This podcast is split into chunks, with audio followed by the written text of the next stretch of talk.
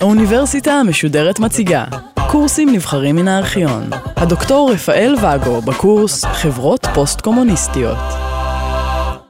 בשיחה הקודמת שוחחנו על הסוגיות הקשורות לפירוק המדינה הסוציאליסטית, הקומוניסטית, והמעבר לפוסט-קומוניזם. היום אנחנו נתמקד בהיבט הכלכלי, שכמובן הוא החשוב ביותר, המרכזי ביותר, לבדיקת אופי החברות הפוסט-קומוניסטיות, ובכלל לסוגיית המעבר משלטון ריכוזי, גם בתחום הכלכלי, ולא רק בתחום המדיני, תרבותי וכולי, אל כלכלת השוק, כלכלה קפיטליסטית, ליברלית. אה, משקיפים מציינים ובצדק שההצלחה הכלכלית או אי-הצלחה הכלכלית יכולה להכתיב את הצלחת המשטרים הפוסט-קומוניסטיים, או אולי נסיגתם וקיפאון בחזרה למשטר אוטוריטרי, אולי גם בתחום הכלכלי. כדי לבחון את הסוגיה הזאת, נתמקד קודם כל במצבם הנוכחי של המדינות הפוסט-קומוניסטיות מבחינה כלכלית, בתום יותר מעשר שנים לאחר נפילת הגוש הקומוניסטי. היום אנחנו נמצאים, ומיד נפרט את הסוגיות הללו, בשלב הראשוני, כלומר בסיום השלב הראשוני של הרפורמות הכלכליות, והמעבר בכל המדינות של האזור שלנו לכלכלה פוסט-קומוניסטית, לכלכלת שוק המבוססת על כלכלה פרטית בסגנון הקפיטליסטי המערבי. חלק מן המדינות המפותחות יותר במזרח אירופה עוברות כיום, בראשית שנות, התש... שנת 2000, לשלב השני להתקרבות לרמת הקהילה האירופית, על מנת להשתלב באיחוד האירופי מבחינה כלכלית. על מנת לראות את התמונה הכללית, עלינו גם לבדוק מהי המורשת של המשטר הקומוניסטי בתחום הכלכלי. כאן אנחנו יכולים להבחין בכמה היבטים אשר יותר קשורים להמשכיות ופחות קרע עם התקופה הנוכחית. במה מדובר? בחלק ממדינות מזרח אירופה, כגון פולין, הונגריה, בעיקר בשתי המדינות הללו, עוד בשלהי המשטר הקומוניסטי, למעשה משנות ה-70 ושנות ה-80, עם עליות וירידות, המשטר הקומוניסטי ניסה בזהירות להתנסות גם בכלכלת שוק, אמנם ברמת המיקרו. לדוגמה, חנויות פרטיות, חברות פרטיות, מדובר במוסכים, במאפייה, במספרות, כלכלת שוק בדרג מאוד נמוך, אשר למעשה הקלה במדינות האלה את המעבר החשוב יותר לאחר 1989. מה שאנחנו יכולים לשים לב מיד, היא תופעה של דיפרנציאציה, לא רק בתחום הכלכלי, אלא גם בתחומים אחרים כמובן, בין המדינות המפותחות יותר באזור, אשר כבר החלו להתנסות בכלכלת שוק לפני 1989, לבין המדינות אשר לא התנסו או לא ניגשו לרפורמות כלכליות אשר יבטיחו, אחרי 89, מעבר קל יותר, פחות טראומטי, לעידן הפוסט-קומוניסטי מבחינה כלכלית. מאפיין נוסף של המדינות הקומוניסטיות עד 1989 בתחום הכלכלי היה הקשר ההולך וגובר עם המערב, אשר מצד אחד יצר חובות כבדים, שחלק מהמדינות, כמו פולין, הונגריה, רומניה, יכלו להחזיר את החובות הללו בקושי רב, אם כי חייבים לציין שרומניה, אשר נקטה בקו חריג, לאומני קיצוני, תחת משטרו של צ'אושסקו, החזירה את כל החובות למערב, ובכך למעשה רצתה להוכיח את אי תלותה במערב. יתר מדינות מזרח אירופה, היות וברית המועצות לא הייתה מסוגלת ולא יכלה לסבסד את הכלכלות הכושלות שלהם, הלוו מן המערב סכומים אדירים, וזאת הייתה אחת הסיבות הגדולות, מרכזיות, למשברים הכלכליים שפקדו את פולין בסוף שנות ה-70 ובשנות ה-80. המדינות הללו סיימו את התקופה הקומוניסטית כבר עם חובות עצומים למדינות המערב, חובות שחלקם נמחקו על ידי אותם גופים מערבים לאחר 1989. מילת הקסם אחרי 1989 הייתה כמובן בתחום של ההפרטה. והמילה הזאת, ההפרטה, הפריבטיזציה, היא בעצם אולי המילת המפתח, מילת הקוד, להבנת המחשבה הכלכלית של מדינות ועמי מזרח אירופה, וכמובן האליטות החדשות. המחשבה הייתה שעם פירוק המסגרות הנוקשות, בין אם כבר בחלק מהם היו יותר רופפות כמו שבהונגריה או בפולין, אבל פירוק המסגרות הנוקשות של המשטר הקומוניסטי, יאפשרו מעבר לכלכלת שוק, לכלכלה פרטית, כאשר ככל שמפריטים יותר את המגזרים השונים במשק, כך המעבר יהיה יותר טוב. יתרה מזאת, ברמת הציפיות העממיות, התפיסה הייתה, ולמעשה נשארה, של קפיטליזם מיידי, של instant capitalism, אשר יביא לאושר, באלף ובעין, לעמי מזרח אירופה, לאחר שנים של קיפאון כלכלי, נסיגה כלכלית אה, בתקופה הקומוניסטית, וכמובן רמת חיים נמוכה לעומת המערב. כלומר, עמי מזרח אירופה ומנהיגים החדשים שלהם ניגשו לרפורמות כלכליות עם ציפיות אדירות, כאשר הבעיה המרכזית שעמדה בפני המנהיגים הייתה, ונשארה למעשה גם בתום יותר מעשר שנים, כיצד לספק את הציפיות הגדולות הללו מבחינה חברתית וגם מבחינת הביצוע הכלכלי. התמונה כפי שאנחנו רואים אותה היום, בתום יותר מעשר שנים לאחר 1989, היא של עלייה גדולה של המגזר הפרטי בכל תחומי המשק, אשר הגיע כבר ל-60-70 אחוז במדינות היותר מפותחות מן המשק, כגון פולין, צ'כיה, הונגריה, בעוד שבמדינות הפחות מפותחות, רומניה, בולגריה, אלבניה וחלקי יוגוסלביה, עדיין 40-50 אחוז מן המשק לא נמצא בידיים פרטיות, אלא עדיין בידיים ציבוריות אה, ממלכתיות. נשאלת השאלה, האם אמנם ההפרטה יכולה להבטיח הצלחה כלכלית? התשובה היא ודאי שלילית. אבל אין ספק שתהליך ההפרטה מהווה מפתח להבנת המהפכה התפיסתית, גם למהפכה התרבותית, באורח החיים של הגישה הכללית כלפי המשק, כאשר המשק לא נמצא בידי המדינה, אלא נמצא בידיים פרטיות.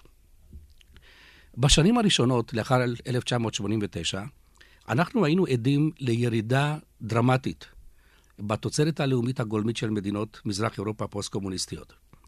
הירידה, סך הכל, בממוצע, בגוש המזרחי לשעבר, הגיע כמעט ל-8% בירידה בתוצרת הלאומית הגולמית בשלוש השנים הראשונות לאחר נפילת המשטר. רק אחרי 1992 החלה עלייה מסוימת בחלק מן המדינות. כלומר, המשק נכנס למצב טראומטי מיד עם נפילת המשטרים הקומוניסטיים, התהליך ההפרטה היה איטי ביותר, מסורבל ביותר מבחינה בירוקרטית, והתוצאה הייתה שהייתה נסיגה למעשה גם ברמת החיים, גם בתפוקה הלאומית, וכמובן שהדבר השתקף גם בחשיבה הפוליטית, בתרבות הפוליטית, בתוצאות הבחירות, בהלך המחשבה הציבורי, שהנה, לאחר נפילת המשטרים הקומוניסטיים, עדיין אין הישגים כלכליים מיידיים, כפי שחלק מתושבי האזור אה, ציפו. במקביל לתהליך ההפרטה, שכאמור היה, היה תהליך מסורבל ונשאר עדיין תהליך מסורבל, מילת הקסם הנוספת הייתה השקעות מן המערב. וכאן למעשה היו ציפיות מאוד גדולות להזרמת הון מערבי למדינות מזרח אירופה הפוסט-קומוניסטיות, על מנת לשקם את המשק ולהוציא אותו מן המסלול הקומוניסטי ולהעביר אותו לפסים מערביים על ידי אותם, אותן ההשקעות המערביות. בתחום הזה, חלק ממדינות מזרח אירופה עשו צעד גדול מאוד קדימה. למשל, היום בהונגריה 70 אחוז מן התעשייה ומן הבנקים נמצאים בידי חברות uh, מערביות. האחוז הזה הוא פחות בפולין, רק 30-35 אחוז. 70 אחוז מן הייצוא של הונגריה היא תוצאה של חברות בידיים uh, מערביות, כך שאנחנו רואים תמונה מאוד מעניינת. ככל שאנחנו מדברים על המדינות הקומוניסטיות, הפוסט-קומוניסטיות, המתקרבות לקהילה האירופית, לאיחוד האירופי, אחוז ההשקעות המערביות גדול יותר, והקשר עם המערב אורגני יותר.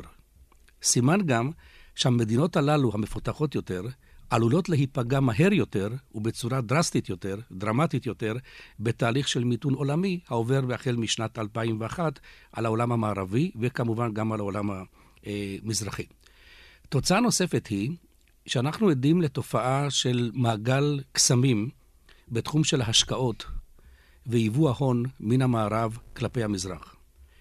ככל שמדינה מזרח אירופאית יותר מסורבלת בתהליך קבלת ההחלטות שלה, ככל שהתהליך הבירוקרטי יותר מורכב, ולמעשה ככל שהמדינה מראה פחות רצון להתמודד עם הבעיות הכלכליות האמיתיות, כך ההשקעות המערביות פוחתות.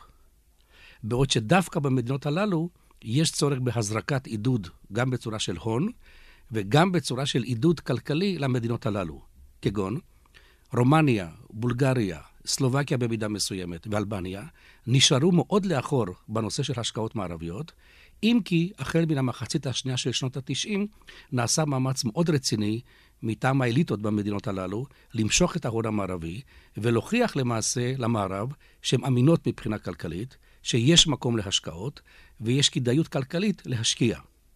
מעגל הקסמים הזה טרם נשבר בראשית שנות האלפיים, כאשר התמונה היא שחלק ממדינות המערב, או חלק מן הגופים הכלכליים המערביים, חוששים עדיין להשקיע במדינות שיש בהן פחות יציבות אה, פוליטית, חברתית, כלכלית. בעוד שמנהיגים המקומיים מצביעים בצדק על כך שכל עוד לא תהיה השקעה מערבית מסיבית, הרי אי אפשר להבטיח את היציבות הפוליטית הכלכלית של המדינות הללו. כך שמעגל הקסמים הזה הוא עדיין משפיע על המדינות הפחות מפותחות בזירה הפוסט-קומוניסטית. היבט אחר מאוד קריטי של המעבר מכלכלה סוציאליסטית לכלכלה אה, פוסט-סוציאליסטית או פוסט-קומוניסטית הוא הנושא של היוזמה הכלכלית. וכאן אנחנו נתקלים, ועמי מזרח אירופה נתקלו, בתופעה פסיכולוגית חברתית אה, מאוד קשה. אותם המתכננים, אותם האנשים שעכשיו הפכו לחלק מן האליטה הכלכלית, מעולם לא התנסו באותה שיטה של היוזמות המערביות, בהפעלת יוזמה עסקית רצינית, בכלים החשיבתיים המערביים שהעולם המערבי רגיל אליהם. כאן מדובר אולי במחסור של אליטות כלכליות, טכנולוגיות, אשר יכלו להתמודד מראשית שנות ה-90 עם הדרישות החדשות של הכלכלה הפוסט-קומוניסטית. נוכל לציין שבתחום הזה של היוזמות הכלכליות, הגישה היותר מערבית-ליברלית נעשתה התקדמות גדולה מאוד.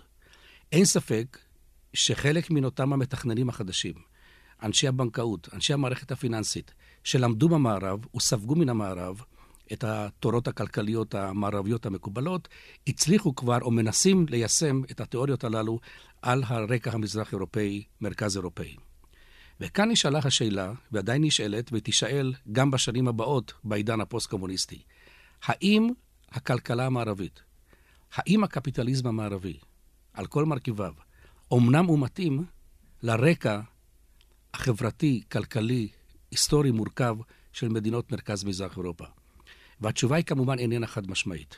כלומר, האם הקפיטליזם הבריטי, השלטון הכלכלי, המבנה הכלכלי הגרמני לדוגמה, או האמריקני, או הדני, או השוודי, האם הם מתאימים לכלכלה הבולגרית, הרומנית, האלבנית, הסלובקית, הצ'כית וכך הלאה? התשובה היא כמובן מאוד מורכבת, אין כאן תשובה חד משמעית. מנהיגי מזרח אירופה, מנהיגי מרכז אירופה, מאותתים שהם לומדים את הדגמים השונים, לומדים מתוך ניסיון העמים הללו, ויש גם המציעים מעין דרך שלישית לגבי מזרח אירופה, בין הקפיטליזם הפראי, כפי שהוא לא פעם מכונה במדינות מזרח אירופה, לבין הקומוניזם הפראי, כפי שהם התרגלו אליו, ולמצוא דרך שלישית, אולי מעין סוציאל דמוקרטית, המשלבת אלמנטים ממלכתיים, אתטיסטיים, עם כלכלת השוק בסגנון המערבי.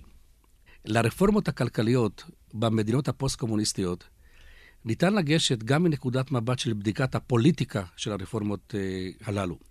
פה נוכל לציין שבאותן המדינות במדינות מזרח אירופה, שבהם לאחר נפילת המשטר הקומוניסטי, זכו בבחירות הראשונות כוחות אשר היו מזוהים קודם עם המשטר הקומוניסטי, אם כי תחת אופי יותר סוציאל-דמוקרטי מערבי, למשל כפי שהיה ברומניה ובבולגריה, וגם בסלובקיה, במדינות הללו המעבר לפוסט-קומוניזם מבחינה כלכלית היה איטי יותר, כיוון שאותם הגופים הקומוניסטיים לשעבר, או בעצם אותה חשיבה הקומוניסטית, אשר הפכה אומנם ליותר סוציאל-דמוקרטית, התנערה אומנם מן המרקסיזם והקומוניזם על כל היבטיו, המחשבה הזאת עדיין לא יכלה להתקדם קדימה, בצד גדול קדימה, לכיוון של הפרטה.